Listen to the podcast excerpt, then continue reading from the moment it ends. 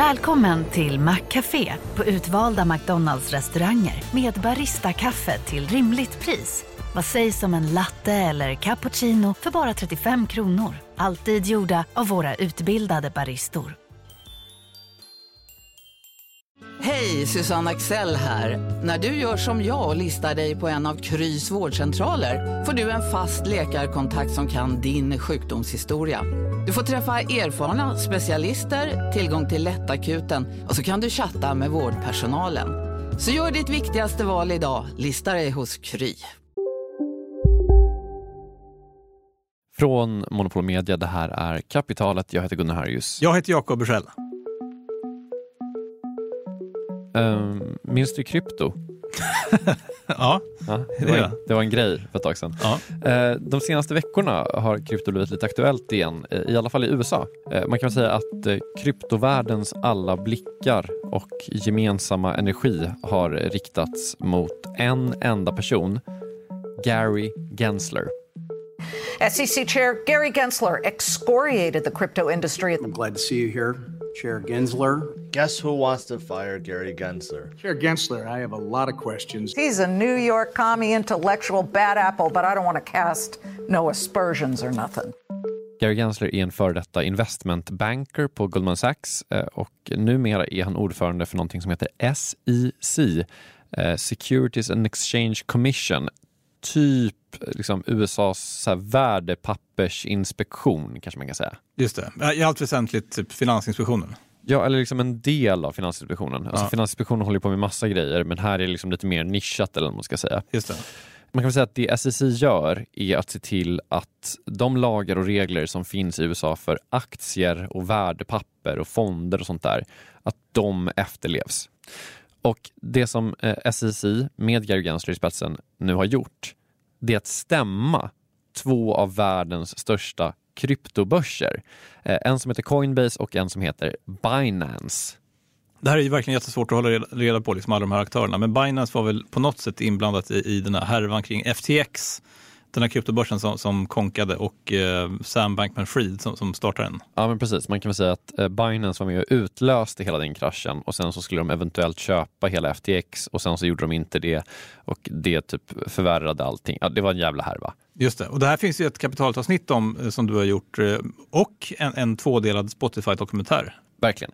Eh, hur som helst, SEC stämmer alltså Coinbase och Binance eh, som man väl kan säga är typ hemsidor där man kan köpa kryptovalutor. Och eh, Det här beskrivs som början på vad som troligtvis är en eh, lite ny linje som USA har mot kryptovalutor. En linje där man vill eh, reglera allt vad krypto heter. För, för krypto har ju varit ren vilda västern. Allt, allting har man fått göra. Exakt, och eh, Eh, det här har ju då kryptomänniskor, eller de flesta kryptomänniskorna, tyckt varit eh, toppen. För att om man ska förenkla det lite grann eh, så finns det två typer av människor som är i krypto väldigt aktivt. Eh, dels är det personer som ideologiskt är väldigt så emot att typ, staten ska ha någonting med någonting att göra. Eh, och sen så finns det också en annan typ av person som är inne i krypto som är eh, personer som försöker scamma dig på pengar. ja. Och båda de här typerna tycker jag att en oreglerad marknad är toppen. Verkligen. Och grejen är väl att någon slags reglering har varit på tapeten väldigt länge och jag tror att de flesta inom kryptovärlden har väl typ förlikat sig lite med att så här, något kommer det nog bli. Men frågan har lite varit så här, vem ska reglera allt det här? Och det allting kokar ner till någonstans, det är en fråga som är vad är egentligen krypto för någonting? För att antingen då så ska SEC reglera krypto och SEC reglerar då liksom saker som aktier och fonder och sånt. Men kryptogänget, de menar att kryptovalutor, det är inte alls som aktier eller fonder eller värdepapper. Kryptovalutor är som guld eller som typ en råvara eller någonting. Och därför ska regleras av någonting som heter CFTC. Och CFTC anses det är mycket liksom, mindre strikta vad det gäller liksom, regleringar. Så man vill att de ska regleras snarare än SEC. Och det är någon annan amerikansk eh, myndighet då? Ja, exakt. Och, och nu menar alltså SEC att kryptovalutor är som värdepapper och därför ska de reglera krypto. Och, och därför stämmer SEC kryptobörserna. Ja, för att de menar då att Binance och Coinbase har hållit på att sälja då unregulated securities. Alltså typ oreglerade värdepapper och det får man inte göra. Eh, Det är liksom förbjudet att sälja investeringsprodukter som är, inte är, är reglerade. Så frågan är då typ så här, är krypto en investeringsprodukt? Och eh, SEC har nu svarat ja på den frågan. Men det här kommer ju liksom inte ta slut med att de säger det, utan det här kommer ju hålla på för alltid i olika typer av domstolar och sånt där. För frågan någonstans är typ så här, vad är en investering? Och fritt parafraserat och översatt från SSIs egna liksom regelbok så är det då typ så. Pengar du lägger i en verksamhet med förväntningen att värde ska skapas av andra människors ansträngningar. Men så, så det SSI säger är det att krypto är som aktier? Ja, och det dagens avsnitt ska handla om, det är då ett sånt här eventuellt värdepapper slash investering slash aktie slash någonting annat. För i eh, SSIs stabilitetsansökan så är en av de kryptovalutor som nämns en valuta som man kunde få av att spela ett spel. Och den här valutan, den skulle inte bara förändra krypto och spelvärlden, den skulle vara framtidens sätt att arbeta. Men i slutändan så var kanske det enda den gjorde var att finansiera Nordkorea. Historien om Axie Infinity och människorna som spelade spelet som nu stäms av amerikanska staten efter det här.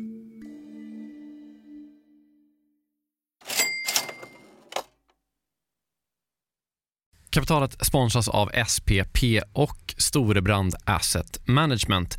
Eh, Storebrand och SPP hör ju ihop sedan många år och utan att gå in på några detaljer här och nu så kan vi i alla fall säga att eh, Storebrand förvaltar över 1200 miljarder kronor bland annat åt just SPP. Och du har ju träffat Storebrand, Jakob, och pratat om eh, Kina Ja, eh, vi, vi pratar i alla fall om hur Kina blivit en sån otroligt viktig del i omställningen av energisystemet. Eh, över 70 procent av värdekedjorna inom vind och solkraft kontrolleras av Kina, vilket mm. är otroligt när man tänker på det. Ja. Och Det handlar om att Kina väldigt tidigt insåg att energi är makt och att man genom sol och vindkraft kan göra sig typ fri från att importera olja och gas och sånt. Then if you think that tomorrow or today's you know power base is going to in a large part be about renewables, then obviously having a stranglehold on those renewables and all the technologies that go into it is going to be part and parcel of that power play. Eh, det här är då Philip Ripman som ansvarar för Storbrand Global Solutions, eh, en fond som investerar i lösningsbolag över hela världen. Mm. Och hela det här avsnittet om Kina och geopolitiken som nu liksom är invävd i den globala omställningen, eh, den släpper vi som en bonus här i kapitalet nu i veckan.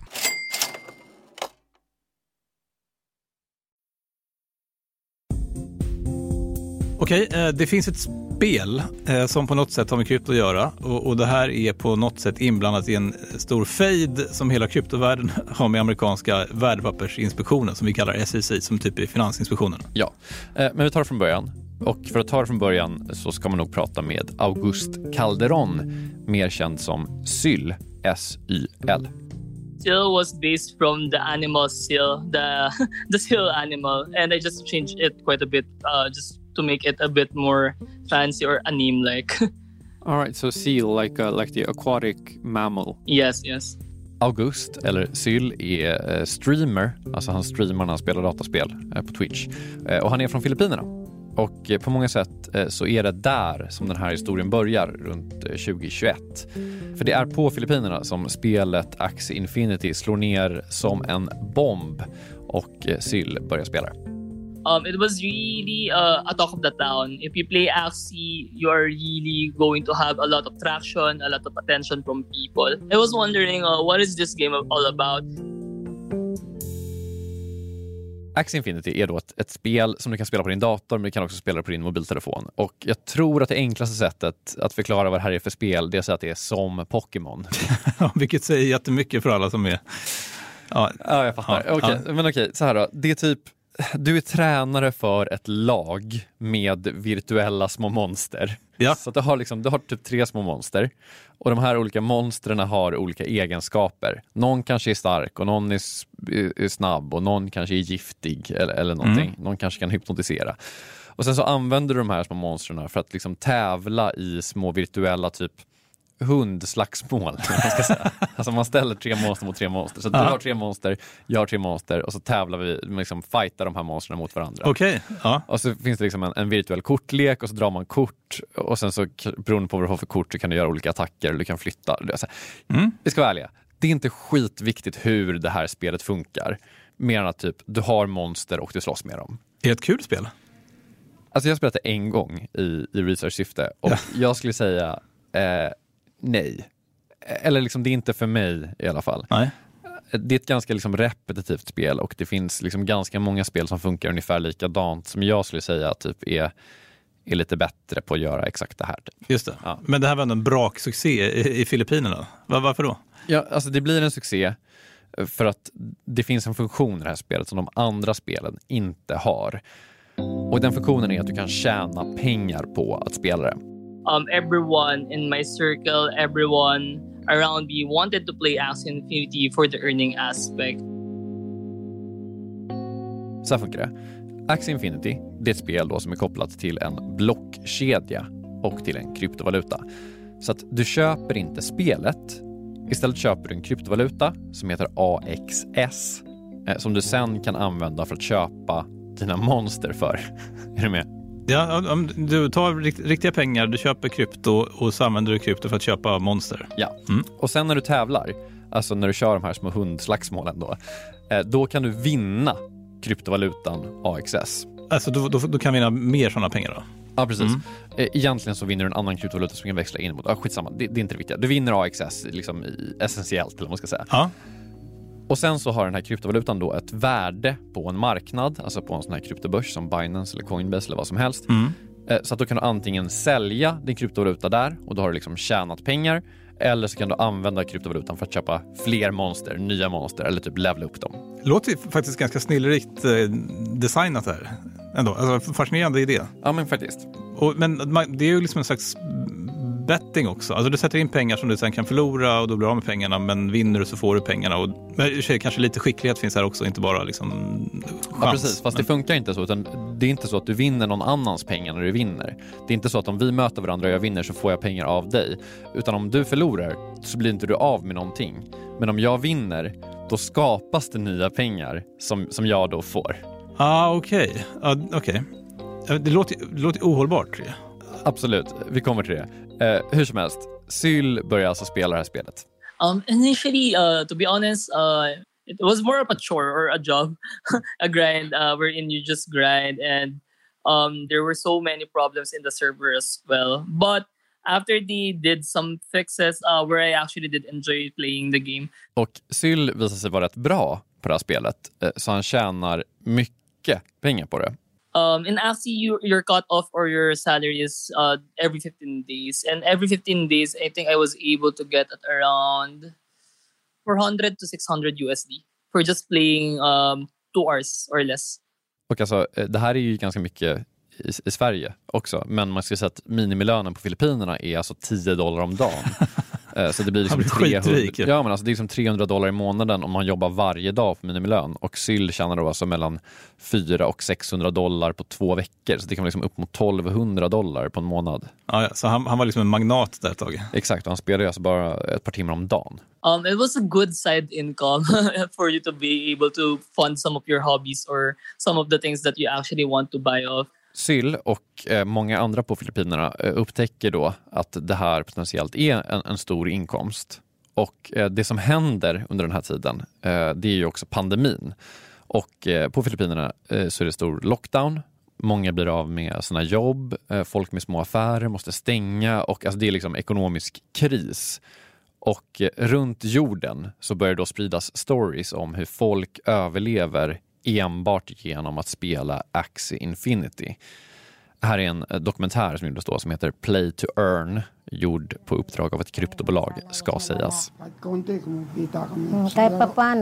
ng I den här dokumentären så intervjuar de bland annat en man som säger att han har liksom råd med sina mediciner tack vare Axie Infinity och han liksom tackar gud för att Axie finns. pambili namin ng gamot. Siyempre, kami matatanda na, puro gamot na lang. De här storiesen om Axis potential som inkomstkälla får liksom enorm spridning i kryptovärlden. Och Jeffrey Serlin, som är en av grundarna till Sky Mavis, bolaget som har gjort det här spelet, eh, han säger att Axie kommer inte bara förändra kryptovärlden, det kommer inte bara förändra spelvärlden. Det här kommer förändra allt. Do you think this is the future of gaming? And if so, how big a part of that future will it be? I think that this is way more than the future of gaming. This is a fundamental shift in the future of work. Uh, we are creating new types of jobs, which I think is so important because we're starting to see many types of work automated away, destroyed during the pandemic. So we need to figure out what are the types of opportunities that are going to be accessible on a global scale to anyone anywhere in the future. And believe it or not, gaming is going to be a huge aspect of that equation.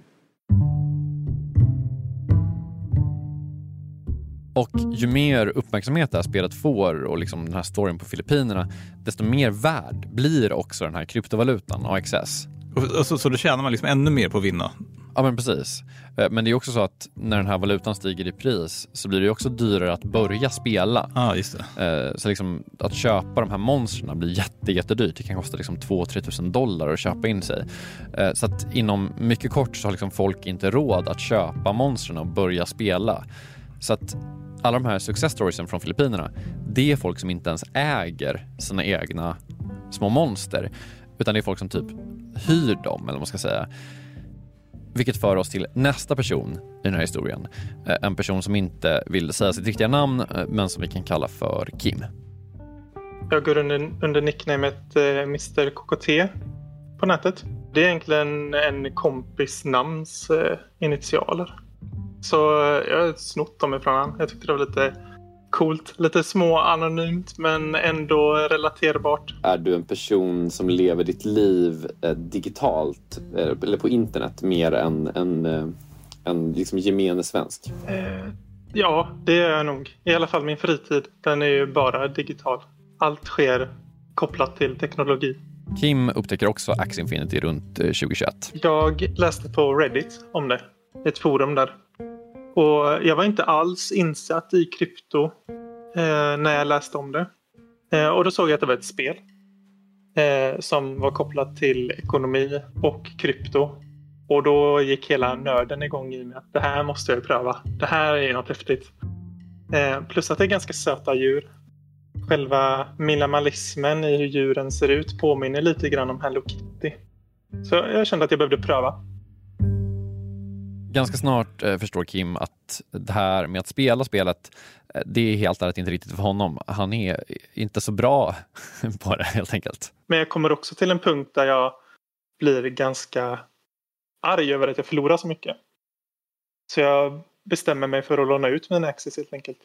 Axie Infinity har en funktion som gör att man kan låna, som Kim säger, eller hyra, som jag nog skulle säga, eh, ut sitt lag man kan låta någon annan spela på sitt konto och sen så kan man då dela på intäkterna.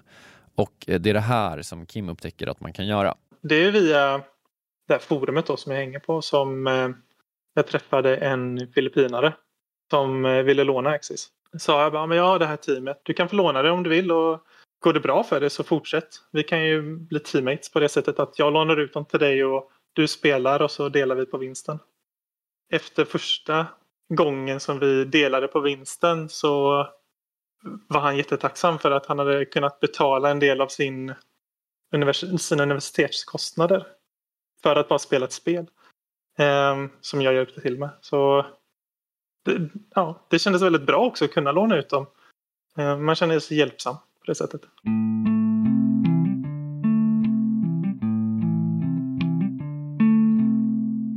Eh, till en början gjorde vi 50-50. Det här känslan av att hjälpa någon annan blir ju, för mig i alla fall, väldigt mycket starkare. Så min kostsplit senare har blivit 70-30. Då får de 70 procent av eh, vinsten och jag får 30 procent. 70-30 ska vi säga är en väldigt generös eh, split från Kims del. De flesta jag har sett när jag har kollat runt på olika aktieforum är väl typ 50-50 eller kanske 60-40 eller, eller sådär. Eh, men det är ju någonting som är väldigt, väldigt intressant med hela det här konceptet tycker jag. Det, är lite, det finns lite Marx-vibbar här. Alltså det, det, är någonting med att någon äger liksom produktionsmedlen och, och som sen drar nytta av arbetskraften. Fast, fast i den här liksom helt digitala, gränslösa, otroligt intressanta miljön. Precis, det är också otroligt, jag har kollat ganska mycket på sådana eh, forum på Discord där typ folk så ansöker om att få bli, eh, de kallar det för scholars Alltså den som liksom hyr in sig på laget, alltså får spela eh, i laget. Och det är så här, folk typ så här postar sina CVn typ. Att det är så här typ, ah, jag har eh, spelat Call of Duty i fyra år och jag har typ spelat Pokémon i två år. Så, alltså det är som, som att det är typ, för att då kommer jag typ tjäna mycket pengar åt dig sen. Och, och då, de tävlar då om, om att få hyra det här laget? Ja men de, då vill, vill de liksom bli tilldelade. Eh, alltså hyra kanske också är fel ord. Man får väl typ låna det kanske lite mer. Alltså man får... Om man det är får ren intäktsdelning, då kanske liksom... De, Exakt, det är intäktsdel. Det är ingen ja. upfront-kostnad? Nej precis. Nej, precis. Ja. Mm. Och det är liksom det här då som Kim ger sig in i. Det måste vara kul att göra det också. Det, det ska ju vara roligt att göra. Man får inte... För ska man ha ett företag över det hela, då tror jag att eh, själva glädjen i spelandet och det här lugnet som ett spel kan ge, det försvinner liksom. Och eh, det är det här som till slut liksom blir den stora grejen för Axie. Alltså eh, folk som arbetar för att ta del av den här liksom profiten som man kan göra eh, i varje lag. Och det här gör att ännu fler börjar spela och priserna går upp ännu mer. Ett Axie-lag kan i november 2021 kosta mer än 30 000 kronor. Eh, Och alltså, då tar det liksom ändå tid att spela tillbaka sina pengar om man har liksom lagt in 30 lakan i det. Och det ska snart bli betydligt svårare att försörja sig på Axie Infinity. Både för Sill och för Kim. Och i slutändan ska det också säga någonting om den här frågan som stöts och blöts idag. Vad är egentligen en investeringsprodukt? Efter det här.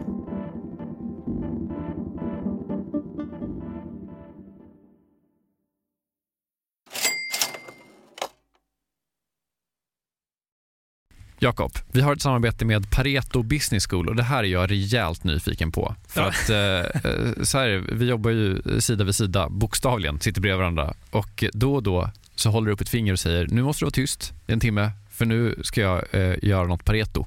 Exakt. Ja. Eh, Jag gillar ju att lära mig nya saker, det gör ju många journalister.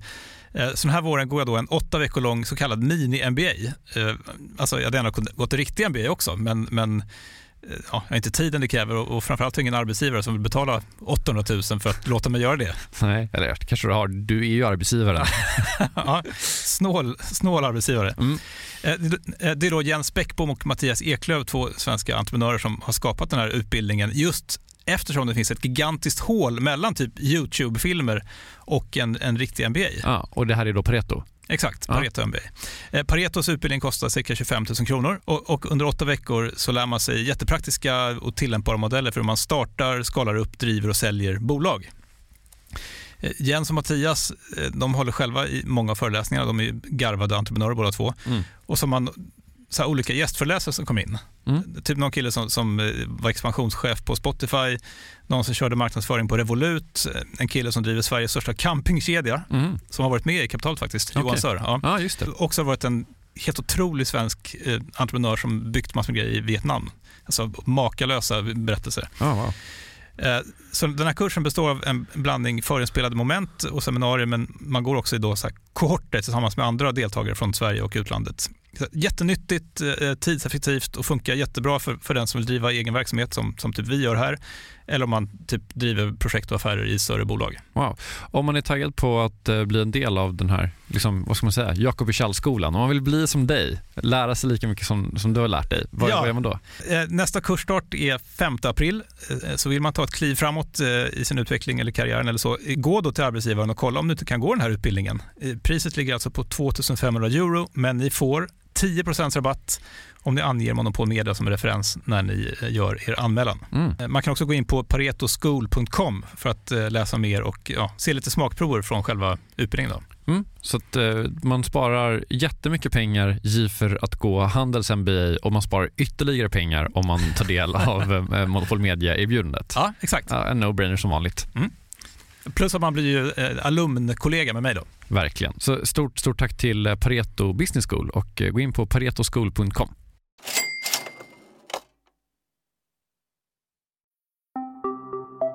Så spelet Axie Infinity, det blir en jättegrej. I, I korthet då har vi lärt oss att det går ut på att man köper en kryptovaluta som gör att man då kan spela spelet. Och när man vinner i spelet så får man ja, kryptovalutan. Och då kan man tjäna pengar på att spela för man kan sälja den där kryptovalutan på en börs. Och den här egenskapen då har gjort att spelet bland annat blev populärt på Filippinerna eh, och sen när värdet då på kryptovalutan steg så blev det så dyrt att köpa in sig att folk började hyra in sig och så återskapar man då en väldigt klassisk eh, så här, arbetsstruktur. Precis, eh, men eh, allt det här ska snart eh, falla samman. Och eh, för att förstå lite hur det kunde göra det eh, så har jag vänt mig till Alexander King. So, so Axie Infinity. Känd från Kapitalet avsnitt 261 om hur ekonomier funkar i spel. Eh, han undervisar också det här vid NYU. Just det. Och det Alexander King säger, det är någonting som du redan lite hintat om, om vi ska vara ärliga. alltså liksom, hur ska det här systemet gå ihop? Alltså, man köper in sig på ett monster, man spelar med sina monster i en match och varje gång någon vinner en match, vilket ju händer hela tiden, så skapas det nya pengar. Var kommer pengarna ifrån? What do you mean you're, you get paid to play the game? Are you paying them, the, the company? Because that does not seem like a very profitable way to run a business. Um, so where where does the money come from? And that is the thread that, if you follow that line of questioning, it explains everything. Because the answer is other players, right? Obviously, it's it's later player people who buy into the system after you did. So you buy in to this to this game, uh, and who's paying you to play? People who come later. Uh, the, the people who buy in after you are paying you. Um, why would they do that? like, why would they? Why would they buy in and having their money go to you, who started playing earlier? Well, because they uh, they have the expectation that other players will come after them, uh, who will, and then they'll get paid. det, det här är ett pyramidspel. Ja, eller i alla fall vad Alexander King kallar för typ ett greater fool system. Alltså, det funkar bara så länge det finns en större dåre som är villig att köpa dina grejer av dig i hopp om att det ska finnas en ännu större dåre som kan köpa grejerna av honom och så vidare och så vidare. And this isn't even like slandering them in their in their own documentation in their white paper. They say like you know the economy is is dependent on a continual influx of new players only with a continual input of new money from people who aren't yet players does that economy function. Um, because the only reason people are buying into it is is with the expectation that it'll be worth more in the future. That eventually there aren't any more buyers and then the entire system collapses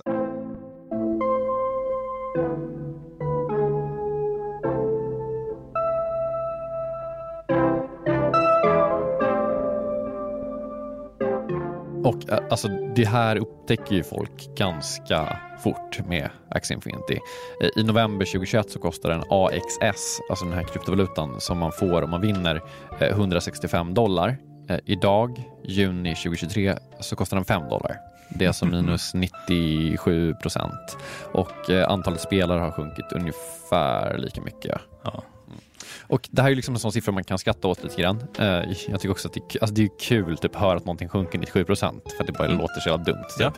Men för personer som köpte in sig i det här för liksom dyra pengar ändå så är det ju helt ärligt potentiellt förödande. Syl till exempel, han spelade då först åt en annan spelare, alltså liksom hyrde in sig man ska säga. Eh, och sen då tjänade han sina pengar på det sättet och sen köpte han ett eget sånt här aktielag Uh, the initial team that I invested was actually um, I think it's it was almost 2000 USD. Uh, more more than more than 3000 USD on a single team. Och jag menar, den typen av pengar kommer han liksom inte få tillbaka. Nej.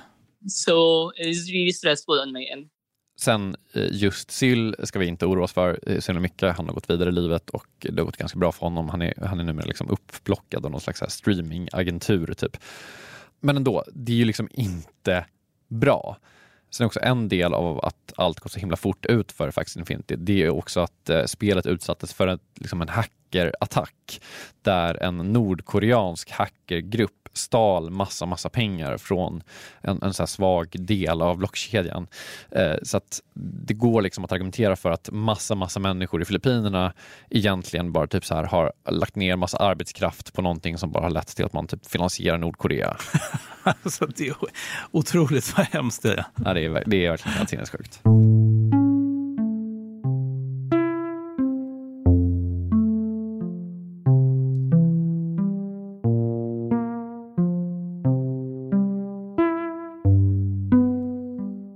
Men, hur, hur kokar det då ner till historien om, om stämningen? Alltså SICs stämning av olika kryptobörser? Ja, men liksom, summan och kardemumman här är, är ju någonstans då att eh, så här, är kryptovalutor investeringsprodukter?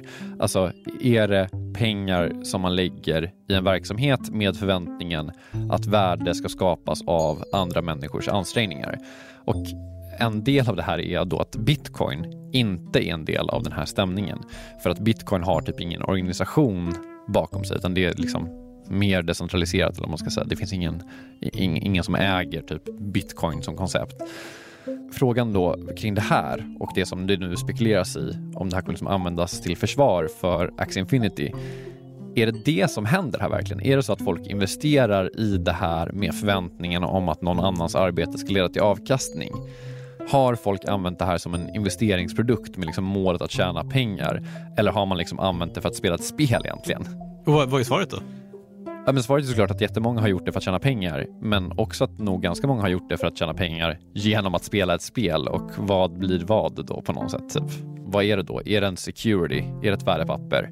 Och det här kommer liksom att avgöras i domstolar då de kommande åren. Så att det är liksom inget vi kommer eh, få svar på imorgon. Jag måste säga. Men, men liksom, alltså, det vi har på ena sidan är värdepapper, den andra, andra sidan är egentligen strikt talat någon slags valuta då?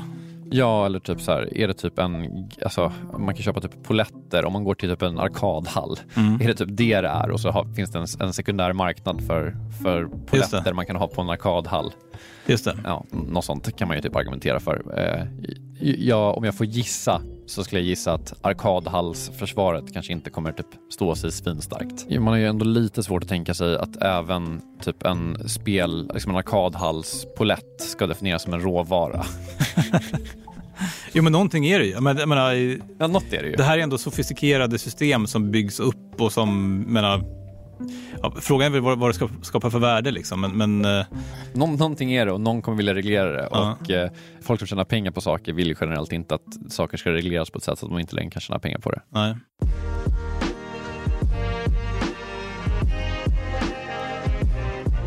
Kapital till slut för den här veckan. Syl hittar ni enklast på hans eh, Twitch-kanal under namnet Syl Gaming, SYL Gaming.